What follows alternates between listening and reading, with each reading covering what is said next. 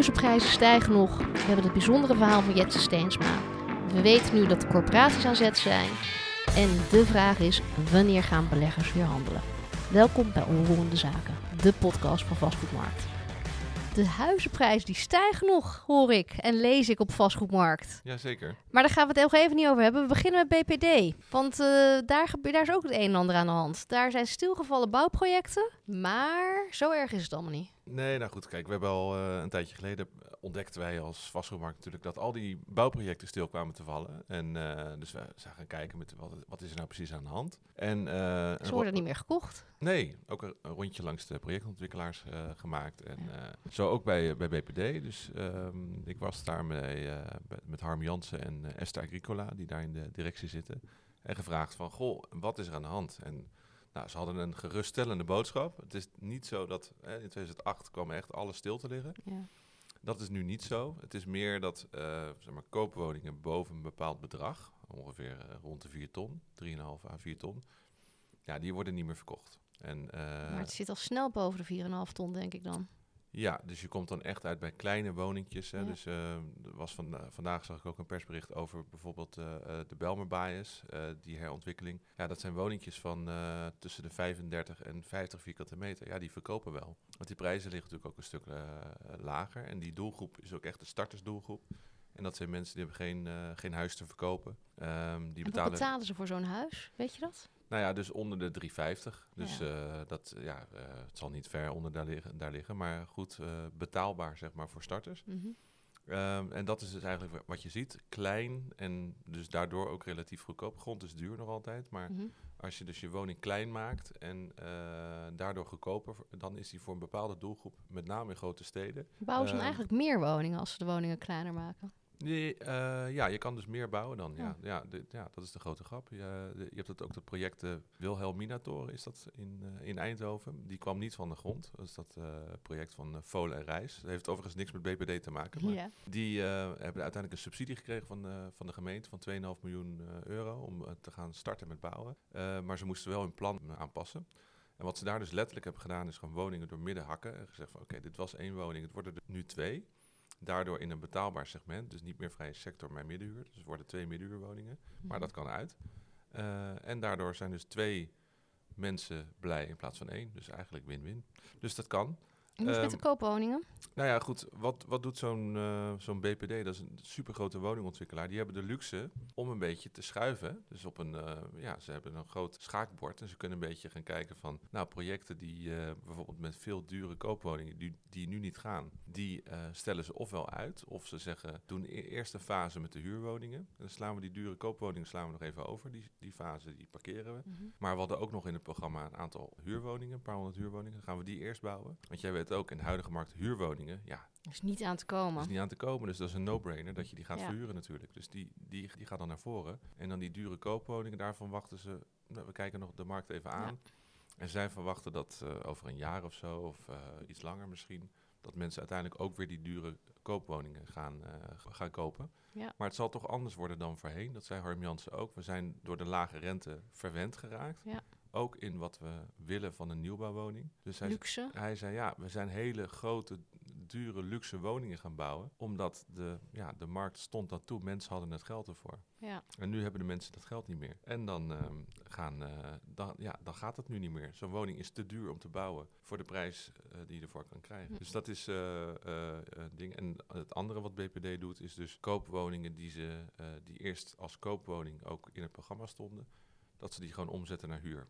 En dat Ik vind het wel interessant dat ze daarmee hun business case nog rondkrijgen. Als je van koop naar huur gaat. Nou ja, business case, koop, eh, je, je verkoopt niks. Ja. Of eh, hu- verhuren en eh, het wordt verhuurd, dan is dat natuurlijk altijd, altijd beter dan, dan niks. Oké. En dat is iets wat je in de vorige crisis ook zag. Dan zag je Ja. heel veel koopwoningen omgezet worden naar huur. Ik heb ze ook, zelf ook in een woning gewoond met twee vrienden die eigenlijk te koop stond. Maar die konden ze niet, eh kregen ze niet verkocht. Dus konden wij daar een paar jaar als studenten in wonen. Totdat dat ding een keer werd verkocht. En dat, ga je, dat zie, je nu ook, eh, dat zie je nu ook weer. Dus eh, het is echt een ander verhaal dan in eh 2008. Projecten lopen nog wel door. Waarbij BPD de luxe heeft dat ze weinig in hoogbouw zitten. Ze hebben eigenlijk alleen de, de Sax in, in Rotterdam. Op Kop van Zuid. Ja, dat ding, dat, dat, nou, ze zeggen dat ze einde van het jaar de business case rond willen hebben. Mhm. Maar ook daar zal het programma moeten worden aangepast. Maar ja, het vervelende van een uh, toren is dat je die niet kan faseren. Je kan Nee. niet zeggen, we doen eerst de sociale huurwoningen, de rest bouwen we later wel. Je moet alles in één keer Ja. bouwen. Ja, en dat, daar zie je nu veel eh, partijen mee in de problemen komen. Met die, eh, vooral met die hoge woontorens. Ik vind het wel interessant, want we zijn ook begonnen met het feit dat de vierkante meterprijzen eh, nog steeds stijgen. Dat de, huurprij dat de koopprijs nog steeds stijgen. Ja, Wat is dat verhaal dan? Nou, ik vind het altijd wel leuk. Zoals je weet, ik heb ook bij, bij Elsevier gewerkt. Dat heet tegenwoordig EW. En dat blad is altijd een beetje van de nuance, eerste feiten. Dus als iedereen roept het is links, dan zullen zij roepen het is rechts. Als het eh, eh, onderbouwd kan worden met Ja. feiten. En dat is ook een beetje het verhaal van de, van de woningmarkt. Dus ook het onderzoek van, van EW over die vierkante meterprijzen. Heb ik zelf ook jarenlang aan, aan meegewerkt. Heel leuk, waardevol onderzoek. Ik kan het iedereen aanraden elk jaar in ieder geval dat nummer te kopen. Omdat je, eh, zij vragen letterlijk eh, de vierkante meterprijzen op. Dus het zijn transactieprijzen van verkochte woningen Ja. op wijkniveau. En dat is echt uniek, want dan kan je echt heel erg in een stad, eh, hè, dus met name ook voor beleggers heel interessant, dan Mhm. zie je dus de ontwikkelingen op wijkniveau. En dan kan je echt zien van, nou, die wijk, daar loopt het nu echt goed en die wijk helemaal niet. En dat kan soms echt een wijkje verder zijn. Het biedt altijd waardevolle informatie. En uit dat onderzoek blijkt dus dat het best wel meevalt met die eh eh Ja, ik, prijsdalingen. ik was, ik was eh, benieuwd hoe ze dat dit jaar gingen Ja. opvangen, omdat ze normaal gesproken doen ze het onderzoek van één jaar, dus zou 2022 zijn. Ja. Ja, en daar kan je eigenlijk, als je dat jaar, je zag eigenlijk pas echt de grote, nou, de kanteling pas in het laatste kwart, denk ik, van eh, het afgelopen jaar. Dus ik vroeg me af, ja, hoe gaan ze dat nou opvangen? Want dan over het hele, hele jaar zegt dan eigenlijk niet zoveel. Dat, dan vertel je eigenlijk nog het oude verhaal. Mhm. Maar wat ze nu hebben gedaan, is ze hebben ook het eerste kwartaal van 2023 meegenomen. En als je kijkt naar het eerste kwartaal van 2023, dan zie je dat in 301 van de 342 Nederlandse gemeenten de woningprijzen nog altijd stijgen. Dus dan heb je het over het afgelopen kwartaal. Kan- En in de meeste steden is dat gewoon. Dat is vrijwel heel Ja. Nederland. Ja. Dus waar, Waar komt dat verhaal dan vandaan dat alle prijzen Nou ja, dalen? de prijzen dalen wel, maar die prijzen, dat is in Amsterdam, Utrecht, Rotterdam, Den Haag. Dus in de grootste steden, en dat is ook logisch, die lopen altijd voor op de rest. Het is ook weer niet echt goed nieuws, want waarschijnlijk gaan die prijzen daar ook nog wel dalen. Alleen, het loopt daar altijd een stukje achter. Oh, Het verhaal van, ik kan me heel goed voorstellen dat als jij in Zwolle of in Deventer of in eh, Roermond eh, de krant leest en je denkt, de woningmarkt kantelt, eh de prijzen dalen, dat zij denken van, ja, maar hier niet. Mhm. Want dat verhaal gaat nog niet over die, eh, over die gebieden. Ja, dus je, als je kijkt naar de Plaspoelpolder, en, eh, en dat is dus niet alleen, dat is ook binnen de Randstad, daar zijn de prijzen met 44% gestegen in, eh, in het afgelopen kwartaal. In Knechtsel ook 44%. Maar als je bijvoorbeeld naar Os gaat, daar zijn ze met 17% gedaald. Dus het is een, ja, de markt verandert, laat ik het zo zeggen. Ja. Maar het verhaal van de woningmarkt kantelt overal dalen de prijzen, dat is niet zo. En hoe doen de vier grote steden het? Nou ja, zoals altijd, dus waar eh, de prijzen het hardste zijn gestegen, daar gaan ze nu het hardste naar beneden. Dus Ja. Amsterdam daalt het hardst. En daarna volgt Utrecht. Eh, dus Amsterdam en Utrecht zijn een beetje de voorlopers van de, van de woningmarkt. Dus daar zie je ook het hardste naar beneden gaan. Maar goed, dan heb je het over 2,5 procent. Dat is eigenlijk niet vergelijkbaar met die 17% van ons. Nee, nee, nee. Dus, eh, maar goed, ze dalen wel. Tegelijkertijd zijn in Amsterdam zes buurten waar een woning nog altijd eh, duurder is dan, dan 10.000 euro per vierkante meter. En dat, is, eh, dat aantal stijgt. Dus eh, dat waren er vol- vorig jaar volgens mij vier buurten. Vorig Ja. jaar was het voor het eerst Ja. dat er een, eh, een buurt was in, eh, in Nederland waar een woning meer dan, en dan heb ik het over een buurt, hè, dus Ja. een hele buurt, waar woningen meer dan eh 10.000 euro de vierkante meter eh, waren. Dat zijn er nu zes. Het is onvoorstelbaar. Dat zijn van die bedragen waarvan je denkt van hoe dan? Ja, ik kan dus er gewoon niet bij. Nee, nee dus dat, kost eh, inderdaad 10, 10 vierkante meter kost een ton. Dus eh, nou, reken maar uit. En ehm, eh, wat je ook hebt, is dus dat er dus, daardoor zie je dat van de duurste wijken van Nederland zijn de eerste 60 wijken allemaal Amsterdamse wijken. Dus daarmee zie je hoe duur Amsterdam is in vergelijking met de rest van Nederland. Dus als je naar heel Nederland kijkt, alle wijken bij elkaar, Ja. zijn de 60 duurste wijken allemaal in Amsterdam. En Dus eigenlijk- 61 is waar? Weet je dat uit je 61 hoofd? is, is Diemen, dus dat is eh, de, eh, Om de hoek Holland bij Park. Amsterdam. Ja, dus dat zie je ook, dat alles wat niet Amsterdams is eh, en duur, dat is allemaal in het kielzog van Amsterdam of Utrecht. De binnenstad van Utrecht staat op plek 5 van niet-Amsterdamse duurste wijken van, van Nederland. En dat is Centrum Utrecht, dus Herengracht. Dat zijn de grachten van Utrecht. En de andere steden die komen pas, pas Ja, ver. Nou ja, ik denk dan wel als je nu zes buurten hebt die duurder zijn dan 10.000 euro de vierkante meter. En dat dat meer is dan vorig jaar. Kunnen we het wel hebben over prijzen die dalen. Maar het Ja. blijft locatie, locatie, Daarom, locatie op blijkbaar. sommige plekken is dit verhaal natuurlijk helemaal Ja. van toepassing. hè. Dus eh, met name omdat eh, Amsterdam een internationale doelgroep eh, aanspreekt. Ja. Eh, de woningen zijn er zo gewild en zo schaars. Daar kan je toch nauwelijks van een, van een kanteling spreken op dit moment. En wat ik altijd ontzettend leuk vind aan dit, aan dit onderzoek zijn de parels. Ja, Eh, de kansen. dat zijn de kansen namelijk. Want het is, we weten allemaal dat Amsterdam duur is. En we Ja. weten dat Oost-Groningen eh spotgoedkoop is. We weten ook dat daar een reden voor is. Maar waar liggen de kansen? Ja, weet je ze? Ja, eh, we kunnen intussen spreken van de parel van de Nederlandse woningmarkt. Dus de parel van alle parels is een wijk die ligt in Almelo, het Nieuwstraatkwartier. Dat is namelijk, Klinkt als een winkelstraat, maar is het niet? Nieuwstraatkwartier in, eh, in Almelo is een eh, echte gentrificatiewijk, een voormalige volkswijk in, eh, in Almelo. Veel oude woningen, en, maar ook veel achterstandsproblematiek. Het gemiddelde inkomen ligt daar aanzienlijk lager dan in de rest van Almelo. En dus ook in, in de rest van Nederland. Dus echt een achterstandsbuurt. Maar zoals je met heel veel achterstandsbuurten ziet.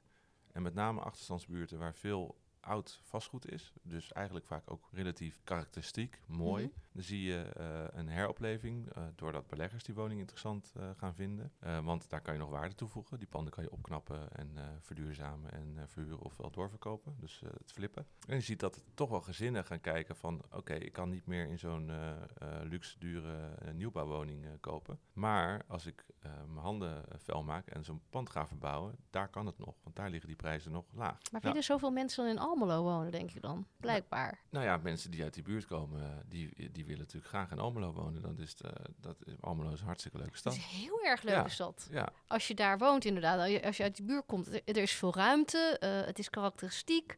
Het is groen. ja. Het is alleen voor de Randstad zo ver weg, denk Maar ik goed, dan. als, als de Ja. Randstad niet je referentiekader Ja, is, dan, eh, dan ga je natuurlijk daar wonen. En de locatie van de wijk is ook goed, omdat die tegen het centrum aan ligt. Net als Ja. eh, eh, Krooswijk, eh, waar ik woon. De locatie is eigenlijk ideaal. Het is alleen een al honderd jaar verloederde wijk geweest. En dat op een gegeven moment zie je een keer dat er een punt komt dat mensen zeggen van we gaan nu wat aan die wijk doen. Dat is kennelijk bij Nieuwstraat kwartier aan de hand. Ja. En daardoor staat het al eh, drie jaar lang in de, op de eerste plek van de Parel-index. En even de Parel-index is eh, eh, door mijzelf bedacht en door, door Ruud Dijkers, oud-collega. Dat is eigenlijk een combinatie van twee variabelen. Namelijk lage prijzen, dus het Mhm. moet relatief eh, goedkoop zijn, maar sterke stijgingen. Dus het is goedkoop, maar er is iets aan de hand, want het wordt steeds duurder. We- De stad die ook elk jaar in de Parel-index voorkomt is Leeuwarden. Eh, daar gebeurt ook een hele hoop. Als belegger zou ik zeggen, ga een keer in Leeuwarden kijken. Ook een schitterende stad. Prachtige stad, ook heel veel historische, Amsterdam. ja, historische panden, ook grachten. En eh, daar is de wijk Oud-Oost, is nu eh, in trek. Er staat op plek 2 in de Parel-index. Ja, wat daar het verhaal is, dat zouden we echt moeten uitzoeken. Daar zijn niet veel verouderde, er is- is niet veel historisch vastgoed daar in die wijk, volgens mij. Maar het ligt wel goed natuurlijk tegen de, eh, tegen de eh, stad aan. Wel net Mhm. buiten de grachten, maar er tegenaan. En wat hier mogelijk mee kan spelen is dat het, eh het Cambuur Leeuwarden stadion, dat wordt herontwikkeld. En daar komt een hele nieuwe wijk. Dus mogelijk dat mensen daarop voor sorteren, omdat het, Ja. hele buurt daar een opleving gaat krijgen met heel veel voorzieningen. En daar gaat de gemeente heel veel geld investeren. Dus mogelijk dat dat hier speelt. Ehm, dat dat dus een plekje in de Parel-index eh, heeft veroorzaakt. Ehm, en ja, we blijven toch een beetje in de randen van Nederland. Ook in Roermond-Oost is, eh, staat nu in de Parel-index. Eh, ook hier zouden we moeten uitzoeken wat er aan de, aan de hand is. Eh, want dit is ook wel een, een typische corporatiewijk met heel veel corporatiewoningen. Het kan zijn dat er nu dat die corporaties woningen aan het verkopen zijn. En dat, En dat, die zijn meestal ruim opgezette woningen. Ja, en niet al te duur. Ja, het kan zijn dat, daar- dat daar iets eh, aan de hand is. En dan het centrum van Heerlen is ook wel opvallend. Omdat Heerlen is eh, volgens mij in het verleden de, een van de rijkste steden van, van Nederland geweest. Door de, door de mijnindustrie daar. Met het stilleggen van de, van de mijnen is daar ook eh, de verloedering ingetreden. Een heel groot winkelgebied, wat eigenlijk veel te groot voor de regio is. Veel leegstand. Maar goed, daar is zo'n tien jaar geleden geloof ik een, een woningbouwimpuls geweest. Eh, er wordt veel eh, geïnvesteerd in, eh, in Heerlen. En kennelijk werpt dat nu zijn vrucht af. Daar in eh, veel herontwikkelingen. Ja. Dus je kan veel winkelpanden worden getransformeerd tot woningen daar. Dus het kan zijn dat dat, dat meespeelt hier. ze zijn er actief. En datzelfde geldt waarschijnlijk voor de binnenstad van Helmond. Staat ook in de Parel-index. Ook dit is een eh, gebied met eh, relatief veel leegstand geweest. eh, En nog steeds wel, denk ik. Dus daar wordt ook wat getransformeerd. En dat zijn ook transacties. En het kan zijn dat dat die prijzen eh, opdrijft. Dus ehm, dat is het verhaal van de, van de parels van de Nederlandse woningmarkt. Ook nu nog. Ik vind het heel boeiend. Eh, Kansen genoeg. kansen genoeg. Ze zijn er gewoon altijd, maar als je maar Ja. wil eh, kijken en zoeken zoeken. natuurlijk. Ehm, Tot slot, heb jij nog iemand gesproken met een heel boeiend levensverhaal. Ja. Ehm, van heel groot succes naar een diep dal en weer terug. Jetse Steensma. ja. Wat is zijn verhaal? Hij is de oud-directeur, oud-voormalig commercieel directeur van Eurocommerce. Ja, dus eh, bij de naam Jetse Steensma, ik heb het even gecheckt bij onze voormalig eh hoofdredacteuren, ging hier niet direct een belletje rinkelen.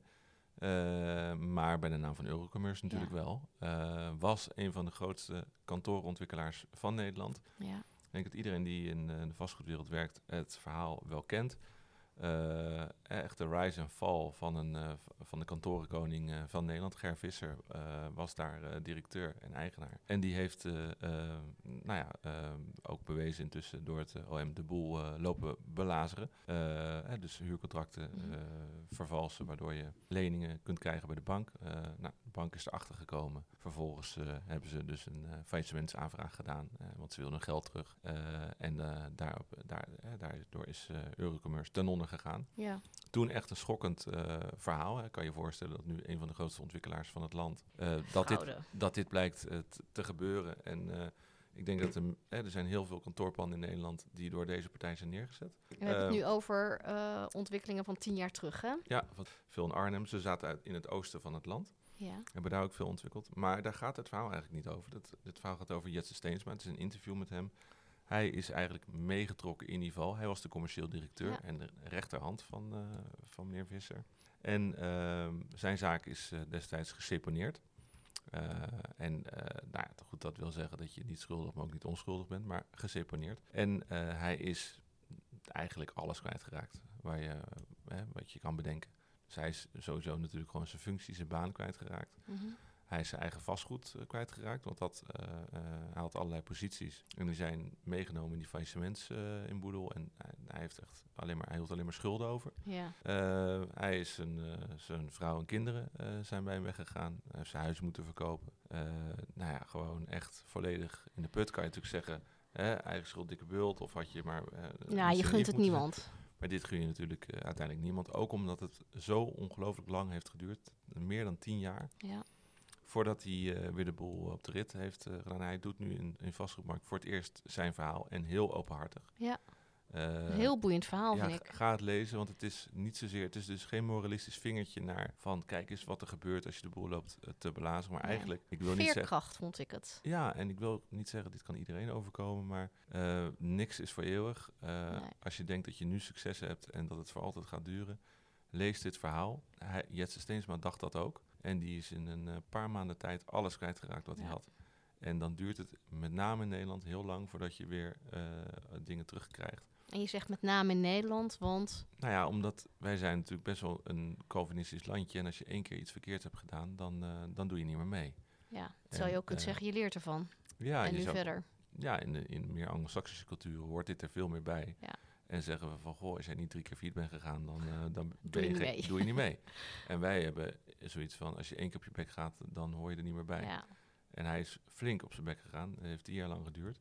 Eh, hij heeft gewoon echt als loonwerker op, eh, op boerderijen gewerkt om het hoofd boven water te houden. ja, sterk. Nou ja, dan kan je dus voorstellen dat je de grootste kantoren van Nederland neerzet en eh, in een dikke villa woont en een Ja. sportauto rondrijdt. En dat je een paar jaar later eh, tussen de boeren op het platteland eh, in het oosten van het land je hoofd boven water. Ja, dat contrast Ja. is natuurlijk uniek en ja, toch wel een, een verhaal dat, dat, dat, dat raakt, denk ik. Ja. Dus Ik vond het heel boeiend. Dankjewel. graag gedaan. Bij mij is aangeschoven Sander van der Ploeg. Ja, Eh, hi, redacteur Woningen. Je hebt eh, eh, de corporaties gevolgd een tijdje. Je hebt er een vierluik over geschreven. En eentje daarvan heeft de pakkende titel... Pessimisme is voor losers. Ja, Want de corporaties gaan de bouwsector redden. Ze hebben jaren aan de ketting gelegen, ze konden niks. Nu worden de particulieren de markt uitgeduwd en de corporaties zijn de nieuwe helden. Vertel. Nou, of het nieuwe helden zijn, dat, eh, dat zijn jouw woorden. Maar goed, eh, eh, ze gaan inderdaad wel van de ketting af. Eh, Hugo de Jonge heeft de corporaties nodig bij eh, nou de prestatieafspraken die zijn gemaakt. Corporaties hebben getekend voor 300.000 woningen, waarvan 50.000 voor de middenhuur zijn, zijn bestemd. Voor 2030. Eh, ja, en daar willen de corporaties natuurlijk wel wat voor terug. Ze hebben jarenlang aan de ketting gelegen. Ze hebben jarenlang een verhuurdersheffing moeten betalen. Allemaal erfenissen van het tijdperk van minister Ja. Blok nog. En die verhuurdersheffing is, eh, is afgeschaft, waardoor een investeringsruimte eh, groter is geworden. Maar goed, daarmee redden ze het nog steeds niet. Dus ze hebben nog wel een aardig verlanglijstje dat ze inleveren. En wat staat er op het verlanglijstje? Nou, wat ze, onge, eh, wa- wat ze onder meer willen is dat ze meer geborgd kunnen lenen. En wat betekent geborgd kunnen lenen? Geborgd lenen, dan staan de corporaties garant voor elkaar. Ja. En uiteindelijk eh, is de achtervan eh, ook het Rijk. Nou ja, het risico is natuurlijk heel laag, dus eh, er staat een hele lage rente tegenover op die manier. ja. Alleen iedere corporatie kan maximaal 3,5 miljard aan leningen op de balans hebben staan. Vanuit dat geborgde fonds. Eh, Klinkt nog steeds als heel veel geld. Klinkt, is nog steeds heel veel geld Ja. inderdaad. Maar ja, daar willen ze toch iets meer van hebben. Vooral een aantal corporaties in de grote steden, daar gaat het om. IJmeren bijvoorbeeld, uit Amsterdam en omgeving, die wil eh, tot 5 miljard geborgd kunnen lenen. En waarom willen ze dat? Waarom is die 3,5 niet voldoende? Nou ja, goed, omdat ze, eh, hoe groter eh, het werkgebied, hoe groter de opgave natuurlijk. Mhm. Dus wat dat betreft begrijp ik die, die logica wel. Ehm, en er zit dus natuurlijk ook nog met grond dat moet worden aangeschaft. Eh, dat kan van gemeentes. eh, die, sommige gemeenten vragen daar een sociale grondprijs voor. Maar als ze bijvoorbeeld eh, grond moeten kopen van commerciële partijen, ja, dan wordt het al een ander verhaal. Dus de grond al twee keer Ja. zo duur. Ik lees hier in jouw stuk, waardeer eerst de grond maar eens af. Ja. Ja. echt denken, ja, dat willen we allemaal wel. Ja, kijk, dat is ook een verschil met, met, met de voorgaande jaren. Je ziet nu dat de woningmarkt afkoelt. Eh, projectontwikkelaars zien dat ook. Er gaan steeds Mhm. meer eh, projecten nou, worden on hold gezet of gaan helemaal niet meer door. En projectontwikkelaars benaderen nu actief ook eh, woningcorporaties van... joh, stap in, help ons Ja. de boel rond te krijgen, dat we kunnen gaan bouwen enzovoort. En corporaties zijn er ook heel erg nou, gevoelig voor, dat wil ik niet zeggen, maar... Staan er open voor. die staan, die staan er zeker open Ja. voor. Maar als een projectontwikkelaar eh, eh, een tijd geleden zich heel duur heeft ingekocht... of de grond heel duur heeft Mhm. aangeschaft... en dat verschil nu probeert af te wikkelen op een woningcorporatie... ja, daar zijn ze natuurlijk niet voor bedoeld. Want uiteindelijk is het wel weer gemeenschapsgeld, zeggen ze. Dat is leuk, maar als je die grond niet koopt, kan je ook geen woningen neerzetten. Precies. Maar dan moeten ze eerst maar die grond gaan afwaarderen... en dan praten we weer verder. Dus kijk, ze hebben natuurlijk wel een onderhandelingspositie op dit moment. Why? Als je, niet als je grond niet verkoopt aan de ontwikkelaar of aan de, aan de corporatie, dan verkoopt hij maar aan iemand anders. Ja, of hij wacht. ja, of hij wacht. Ja. Dus uiteindelijk heeft de corporatie nog steeds geen woningen kunnen bouwen. Maar wel Nee. geld op de balans. Eh, ja, maar ja, goed. Kijk, aan de ene kant moet je door natuurlijk. Ja. Eh, eh, aan de andere kant, ze hebben natuurlijk ook wel wat geld mee te brengen. Ze kunnen een project rondkrijgen. Dus die ondergangspositie is er wel. Maar die is natuurlijk niet oneindig. Ja. Ik lees hier dat Jasper Dupont, onafhankelijk woningmarktexpert, zegt dat corporaties de nieuwbouw echt niet gaan redden. Ja. Dus nieuwbouw is eigenlijk, ondanks die corporaties, eh, eh, ten dode opgeschreven. Nou ja, kijk, eh, als we kijken naar het plan van Hugo de Jonge, die wil 900.000 woningen voor 2030 hebben. Daarvan moeten er 300.000 door corporaties worden gerealiseerd. Dus dat is een, ongeveer een derde. Ja, Dus alleen op, op dat vlak al gaan corporaties het nieuwbouw niet redden. nou ja, heel even. Ik vind het een interessant getal, die 300.000. Ze gaan ze vast wel redden, maar waarschijnlijk niet voor 2030. Ja, dat zeggen ze ook. Ja, Ja. Oké. Nou, dan zijn we het daarover eens. Maar de corporaties hebben de ontwikkelaars wel nodig. Ja, de, eh, ja zeker. Eh, kijk, corporaties die eh, doen ook vaak mee bij gemengde projecten. Hè? Dus je hebt een appartementenblok waar een gedeelte daarvan is kopen, een gedeelte daarvan is middenhuur of dure huur en een gedeelte daarvan wordt sociaal. Ja, Als de koop niet doorgaat en de middenhuur ook niet, omwille van de marktomstandigheden, ja, die woningcorporaties kunnen moeilijk hun aandeel alvast gaan bouwen, te- als het hoogbouw is tenminste. Ja. Gaat het om grondgebonden, dan kunnen ze alvast wel hun blokje neerzetten. En dat de rest later volgt, dat zou kunnen. Maar goed, vooral in de steden hebben we het vooral over hoogbouw. Dus- hoogbouw, ja. Maar er wordt natuurlijk niet alleen in de steden gebouwd in Nederland. Nee, En zeker niet met woningcorporaties, die zitten overal. die zitten overal. Dus woningcorporaties zouden bijvoorbeeld wel grondgebonden woningen alvast kunnen gaan bouwen. eh, Ja. Wachtend op de rest. Op Ja. betere tijden dan. Ik las ook, dat vond ik ook heel boeiend. Niet iedereen staat te springen om meer sociale woningbouw in de Ja. buurt. Ja, dat klopt, ja. Not in my backyard. Not in my backyard. Ja, dat is Waar niet, moeten die woningen dan komen? ja, dat is niet iets waar alleen woningco- woningcorporaties mee te maken hebben. Maar ik sprak bijvoorbeeld met eh, Sander Heinsman. Hij is eh, bestuursvoorzitter van Portaal. Dat eh, werkt eh, onder meer in, eh, in Utrecht en Nijmegen. En die zegt, ja, weet je, sociale woningbouw, dat brengt nu eenmaal ook meer sociale problematiek met zich mee. Dat, dat, is, ja, dat, dat is nou eenmaal zo. En eh, mensen zijn daar bang voor dat, dat, dat een buurt dan achteruit gaat. Vooral in Utrecht speelt het heel erg, omdat eh, sociale woningbouw daar echt is beperkt eigenlijk tot maar twee wijken. En de rest van de stad heeft daar, nou, die merkt daar niet zoveel van. Eh, maar hij zei ook van ja, als je een, een, een, een diverse stad wil zijn, een gemengde stad ook, ja, dan, dan zou je er toch wat meer rekening mee moeten gaan houden. Maar ja, Dat het zich verspreidt door de stad, ja, bedoel je? Ja. ja, ja, ja, ja, ehm, Ik dacht dat het sowieso het geval was. Dat sociale woningbouw juist tussen de wat duurdere woningen zit. ja, dat is vooral in Amsterdam en Rotterdam het geval. Oké. Ja. In Utrecht is het eh, eh, vrijwel beperkt tot Overvecht en Kanaaleiland. Ja, ja, maar goed, lo- los van het sociale aspect. Kijk, eh, mensen kunnen al gaan klagen op het moment dat een uitzicht wordt, tussen aanhalingstekens, bedorven door een nieuwe, nieuwe woningbouw. Of dat het te druk wordt en daardoor ze hun auto niet meer kwijt kunnen. Ik bedoel, de NIMI-problematiek is groter dan alleen de sociale sector. Dus Hugo de Jonge heeft aan de ene kant eisen voor 300.000 woningen. De corporaties eh, kunnen, willen de grond niet kopen om te bouwen, zijn afhankelijk van derden. En dan heb je ook nog eens een keer de buurt die zegt van doe maar niet. Nou, de- corporaties willen de grond zeker wel kopen. dus dat ja, is maar niet wel- tegen die prijzen.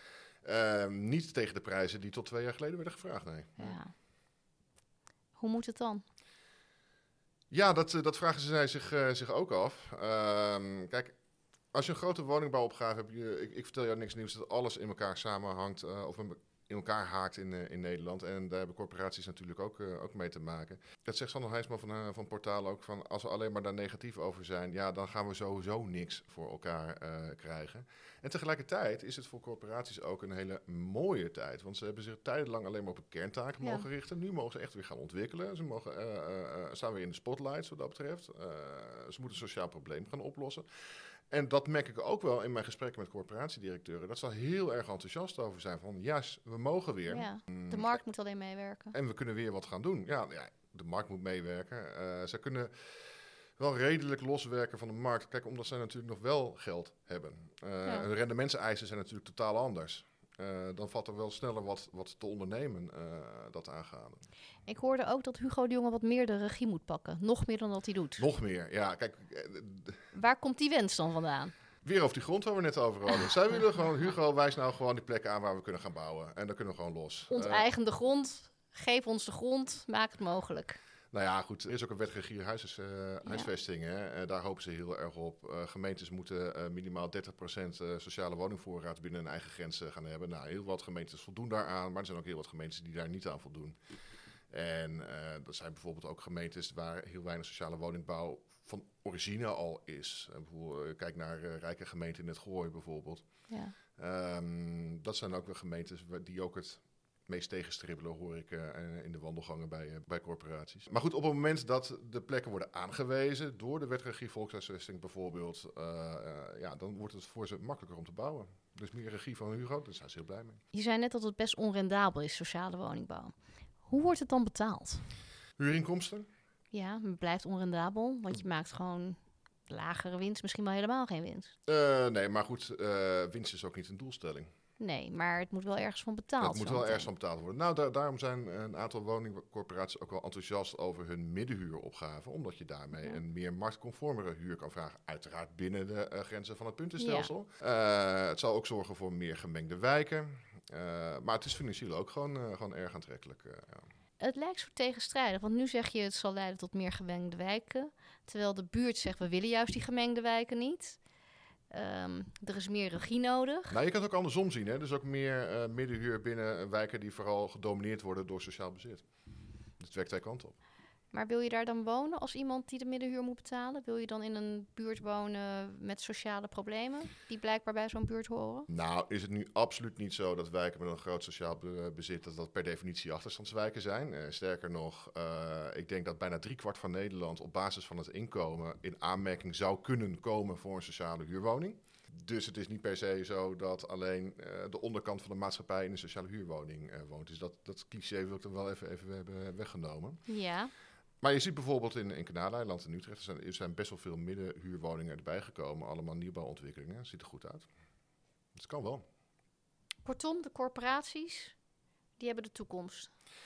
Dat zeggen ze zelf wel, ja. Eh, ik sprak ook met Martin Verrijn, de eh, voorzitter van de corporatiekoepel EDES. Eh, die heeft het echt over renaissance van de corporatiesector. En ik begrijp wel... Kijk, of dat uitkomt is een tweede. Maar ik begrijp wel waarom hij het zegt. Die renaissance eh, voor de corporatiesector, helemaal leuk. Wanneer gaat die plaatsvinden dan? Wanneer kunnen we daarin gaan wonen? Zo snel mogelijk, dat is natuurlijk wel de bedoeling. Kijk, als je 300.000 woningen voor, voor, voor 2030 moet, moet hebben opgeleverd. Kijk, die dat, zeggen ze ook allemaal. Hè? De wooncrisis is nu. Dus Ja. we moeten zo snel mogelijk aan de slag. We moeten eh, eh, niet gaan verzanden in allemaal procedurele eh haarkloverij. Ja. Ook nog een reden om Hugo voor, eh, te vragen voor meer regie. Dus ja, de renaissance is eigenlijk nu. Je zei al van, eh, eh, nou die 300.000 woningen komen er wel, maar waarschijnlijk niet voor 2030. Heb je te horen gekregen wat wel haalbaar is tot 2030? Of zegt niemand daar iets over?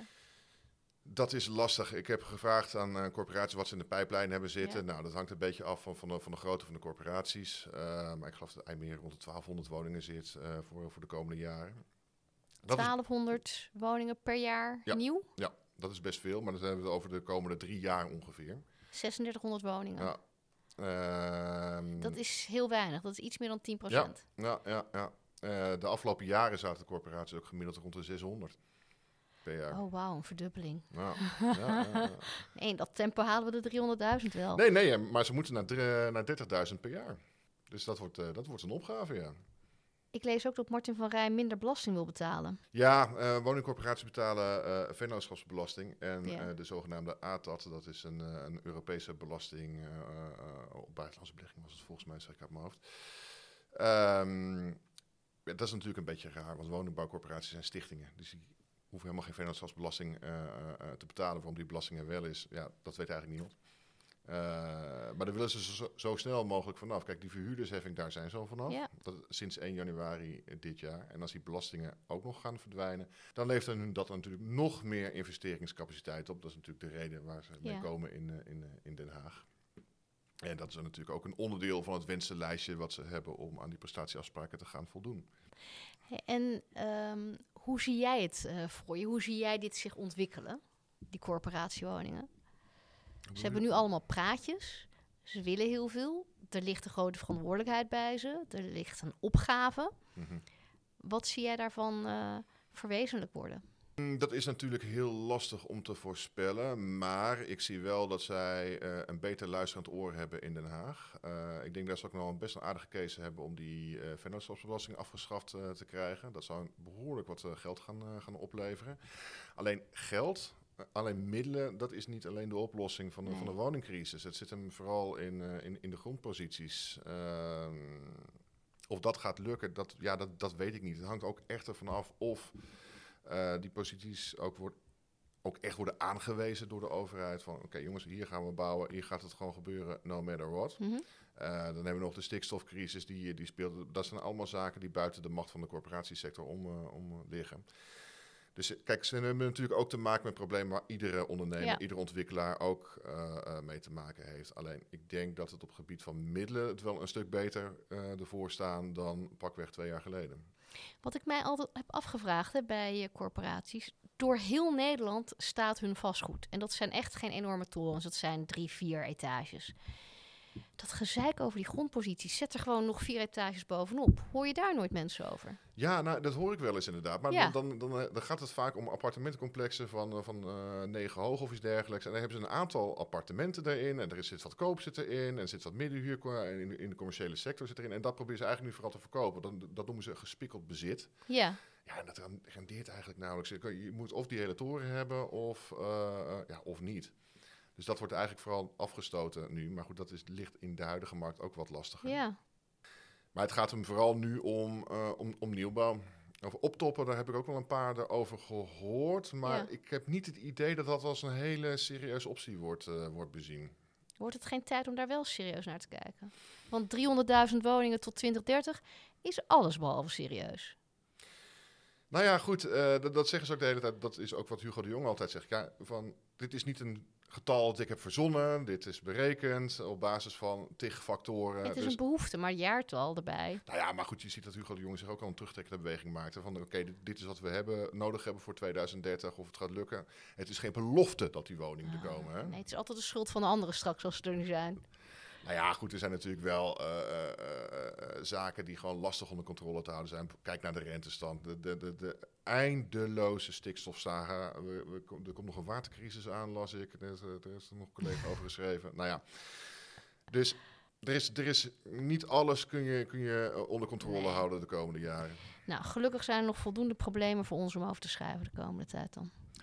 Uiteraard. Dankjewel. Alsjeblieft. Bij mij is aangeschoven Peter Ham, redacteur bij Vastgoedmarkt. We gaan het hebben over jouw artikel Nederland is snel met afboeken, maar waar blijven de beleggers? Zijn de beleggers aan het afhaken, Peter? Nou, die waren natuurlijk al een tijd afgehaakt. Hè?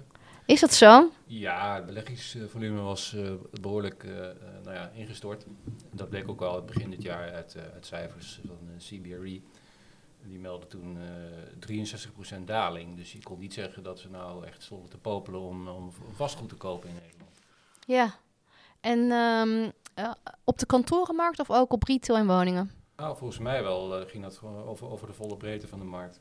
Ja, CBRE heeft ook eh, gekeken naar wat, wat waren partijen nou eigenlijk bereid om, om, om te bieden voor, voor vastgoed. Ja, en dat is even slikken. Vooral als je een tijd geleden de kans hebt gehad om, te- om te verkopen. En dat niet gedaan hebt? Ja, nou ja, goed, dat is altijd could have, should have. Would have, ja. Maar in dit geval was het zo dat je dan eh, de, ten opzichte van eh, bij, bij, bij vastgoed op eh, binnen waren gekomen en wat uiteindelijk niet verkocht was. en waar het uiteindelijk dan wel werd verkocht, lagen de prijzen 25% lager. Maar ja, even advocaat van de duivel. Als je dan wat terugkoopt. Ja, dan eh, als, als jij aan, aan de koperskant bent, ja, dan kun je natuurlijk ook meer, eh, ja, weer, weer wat goedkoper eh, Ja. inslaan. Ja, dat wel. Maar dat gebeurt dus blijkbaar niet op heel grote schaal. Waarom verkopen mensen?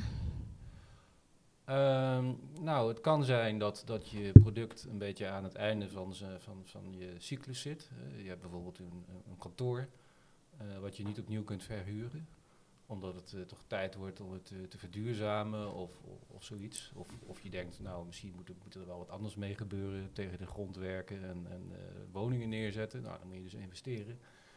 Het kan zijn dat dat, dat dat in handen is van de partij die dat niet echt tot zijn strategieën rekent. Dus die denkt gewoon van, nou, dat is, dat, dat is een spel, dat, dat doen anderen maar. Maar daar zijn wij niet voor in deze vastgoedmarkt aanwezig. Dus dat kan een reden zijn. En wat ook een reden kan zijn is van, eh, dat je zegt van ja, ik, eh, ik zit wel in Nederland, maar eh, eigenlijk heb ik hier heel erg weinig naar verhouding. En ja, misschien wil ik wel weg op den duur.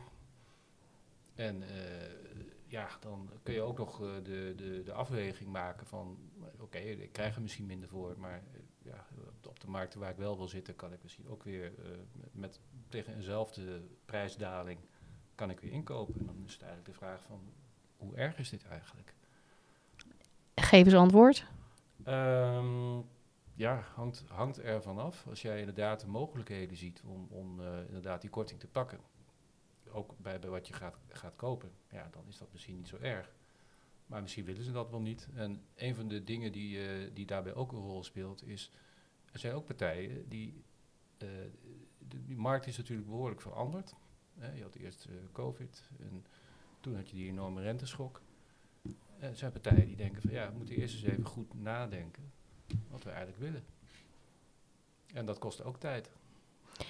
Ik lees dat de vraagprijzen hoger zijn dan de marktwaarde. Dat kan toch nooit? De marktwaarde bepaalt toch de prijs?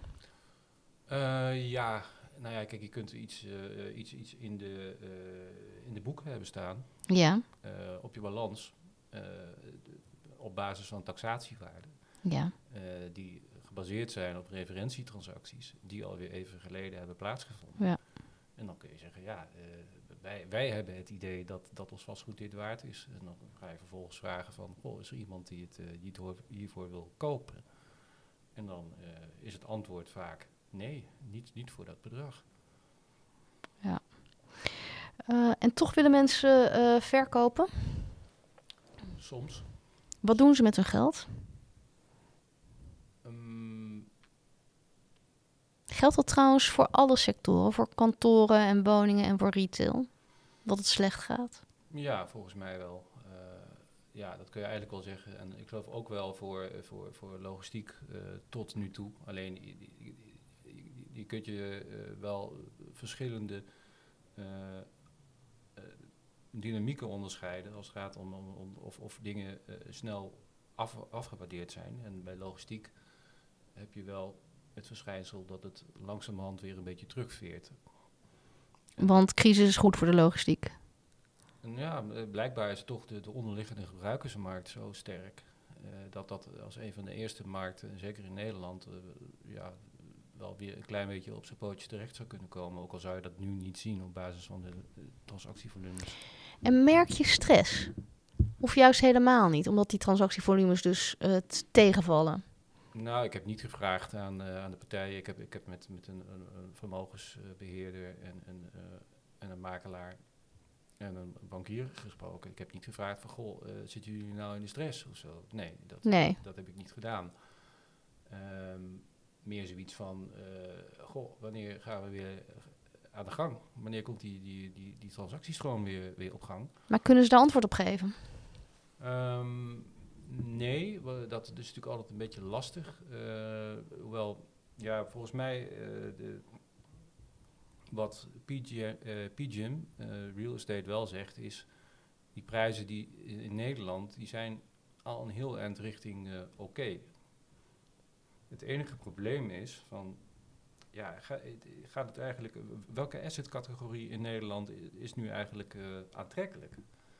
Vroeger had je de woningmarkt. Ja, En eh, nou ja, dat, eh, ook, ook vanuit internationaal perspectief is het nou niet zo dat, dat mensen zeggen van nou, dat is eh, leuk in Nederland, dat, daar moeten we zijn. nou, het is misschien wel leuk vanuit het aspect van woningnood. Maar het is misschien niet leuk vanuit het aspect van regulering en belasting. Is dat wat je bedoelt? Ja, je hoeft je echt geen zorgen te maken dat je een middenhuurwoning eh verhuurt. Die verhuur je hartstikke goed. En die prijzen, Ja. die gaan nog wel door het dak. Ja, Ja, dat is, dat is allemaal geen probleem. Maar eh, als je kijkt naar wat je erop verdient, dan kun je je als, eh, als vermogensbeheerder en als belegger natuurlijk afvragen, ja, waarom zou ik niet gewoon een, een nog veel veiliger product nemen, zoals een, eh, een, een Duitse staatsobligatie voor Nederlandse staatsobligatie. En dat verschil tussen een, een middenhuurwoning, een rendement dat je daarop haalt, en een obligatie is, is gewoon te klein. Nou had je vroeger toen het allemaal nog leuk ging op de woningmarkt, had je het voordeel dat, dat, dat die, die woningen ook meer waard werden. Maar ja, dat is, dat is waar eenmaal. Hè? Dat, eh, dat, dat zien we nu ook niet. Dus je moet het echt hebben van het directe rendement. En nou, dat, dat is te schraal vergeleken met veiliger geachte eh, beleggingscategorie eh, obligaties. maar als je dan drie partijen hebt gesproken, een makelaar, een bankier en ehm, wat was het? De vermogensbeheerder, die kijkt natuurlijk allemaal anders naar deze zaak. De makelaar zal in paniek schieten, of niet? Die ziet zijn handel verdwijnen. Eh, ja, dat, eh, nee, ik, heb, ik heb niet aan de makelaar gevraagd van, goh, zit je goed in je vel? Ehm, en eh, eh, ik denk ook dat dat uiteindelijk eh, bij, bij, zeker bij de grotere adviesorganisaties ook wel, ja, als je het grote geheel overziet, ook niet zo'n groot probleem is, omdat ze ook meerdere diensten aanbieden. Eh, heel veel taxaties, eh, echt ja, advisering op het gebied van duurzaamheid, eh, ja, dat, dat soort dingen. Dus je kunt ook nog wel, denk ik, een beetje eh, mensen van de ene naar de andere eh, dienst proberen te krijgen en zo. Dus het is Mhm. niet zo, ik, niet, ik denk niet dat er dan gelijk een, een, een enorme ontslaggolf op komst is. Die, die, die, die partijen, die, zo de grote Anglo-Saxische vastgoedadviseurs, die zijn zo full service Mhm. dat ze niet direct nat gaan wanneer één deel van de markt eh, inzakt. Mm, maar er zakken meerdere delen in. Dit is de woningmarkt en de kantorenmarkt. Die Ja. zakt ook in. Ja, dan heb je het eigenlijk allemaal over capital markets in dit Ja. geval. Hè? Eh, want da- daar hebben we het nu eigenlijk over. Ehm, maar er lopen natuurlijk ook andere activiteiten, eh, gewoon, waar, waar ze ook gewoon over... Ze doen veel adviesdiensten bijvoorbeeld. Ja. Dus de kantorenmarkt, ja, daar zou ik ook niet op dit moment heel veel hel van verwachten. Kan je dat toelichten? Ja, zeker. Want kijk, de kantorenmarkt is natuurlijk een. eh, eh, we hebben heel veel gepraat over de, de gevolgen van het thuiswerken. En, en toen met COVID. In de eerste zaten we allemaal thuis en dachten we, oh, dat wordt een groot eh, kerkhof hè, met die ka- kantoren. Vervolgens was de dominante stroom was van ja, maar we gaan de kantoren anders gebruiken. En misschien wel meer ruimte nodig hebben. Ehm, en toen kwamen de onderzoeken los van de, de corporate gebruikers van hoe, ja, hoe- hoeveel minder ze nodig hadden. En dat ging dan wel, eh, ja, de, de bezetting van die kantoren was, was echt gewoon, ja, ik wil niet zeggen minimaal, maar misschien Je bedoelt 40%. eigenlijk eh, post-COVID dat we niet meer teruggingen naar vijf dagen in de week naar kantoor. Nee, ook niet naar drie. Eh, misschien naar twee. De, de verwachtingen van investeerders dat dat nog, nog weer omhoog gaat, is, is toch wat kleiner geworden. Van, wat- die zijn wat gematigd. Dus kijk, wij, wij zitten hier ook nu iets van anderhalve dag per week gemiddeld op kantoor. Is misschien eh, wat aan de lage kant, maar ja, je hoort veel over corporates die, eh, ja, die, die nauwelijks, ja, misschien 40% van de tijd op kantoor zitten. maar Eh, we zijn nooit meer teruggegaan naar 100. Dus de investering in de kantoren is niet meer interessant. Mm, nou, je moet wel steeds kritischer worden natuurlijk. Ah. En dan, ja, dan krijg je natuurlijk weer de discussie over de, de echte toplocaties en, en die iets mindere. En eh, ik denk dat je dan vooral eh, je als investeerder of belegger eh, een beetje zorgen maakt om, om wa- wat is dan nog die echte toplocatie? En zit, je- zit je daar nog bij met je, met je kantoren? Of moet je daar niet heel gauw van afzien te komen als je daar niet, net, net op de, niet de topspots zit? Wat zijn de topspots? Zuidas, De grote Eh, steden. Ja, grote steden, eh, ja, Rotterdam, eh, Central Business District zou ik denk ik ook nog wel de- durven. Den Haag, Beatrix kwartier, de Utrecht ro- ro- rond het Centraal Station bijvoorbeeld. Ja, dat, dat sowieso. En dan zul je ongetwijfeld ook nog, ja, Eindhoven heb je ook al een aantal goede plekken. Maar eh, ja, zeker de, s- de snelweglocaties, daar kun je dan misschien, en, en ook de verouderde eh, kantoren, niet, echt helemaal eh, energiezuinig en zo, daar kun je dan misschien een beetje zorgen om maken. Ja. Ehm, we hadden het erover van waar blijven de beleggers? Denk je dat ze weer gaan terugkomen? Of blijft het een, een all-time nou ja, impasse? Mm, nou ja, dat, dat, dat laatste, dat weet je natuurlijk nooit. Alleen, de, de- kijk, we hebben een, een enorm hoge transactievolumes gehad de afgelopen jaren in Nederland. Maar was dat misschien niet een uitzondering op een bestaande situatie? Eh, ja, er kwamen twee dingen goed bij elkaar. Kijk, je had die woningmarkt, dat was natuurlijk wel, eh, zeker in de jaren, eh, nou ja, de tweede helft van het vorige decennium, was het ook interessant om in woningen te investeren. Nou, vervolgens, die rente, die was extreem laag. En nou, kantoren, de logistiek was ook zeer interessant op dat moment. En eh, die prijsaanpassing, die, eh, die, die is nu wel, eh, denk ik, een heel eind op weg. Alleen woningen waren goed voor heel veel beleggingen. Ja. En ja, die, die, zijn niet, zijn er echt niet aantrekkelijker op geworden. Dus dan kan het wel zijn dat, dat, dat, de, dat, dat de Nederlandse vastgoedmarkt als geheel wat, wat, wat, wat, ja, wat is, is gerepriced, zoals ze dat noemen. Alleen, ja, gereguleerde woningen. Ik, een van de geïnterviewden, eh, die zei, eh, ja, dat is eigenlijk alleen maar een, eh, interessant als impact investment. Wat zoveel betekent als van, nou, je wil laten zien dat je je, je duurzame beste beentje voorzet en dat je het beste met de maatschappij voor hebt, maar voor het rendement hoef je het niet te doen. Peter, dankjewel. Dit was Onroerende Zaken. Tot de volgende.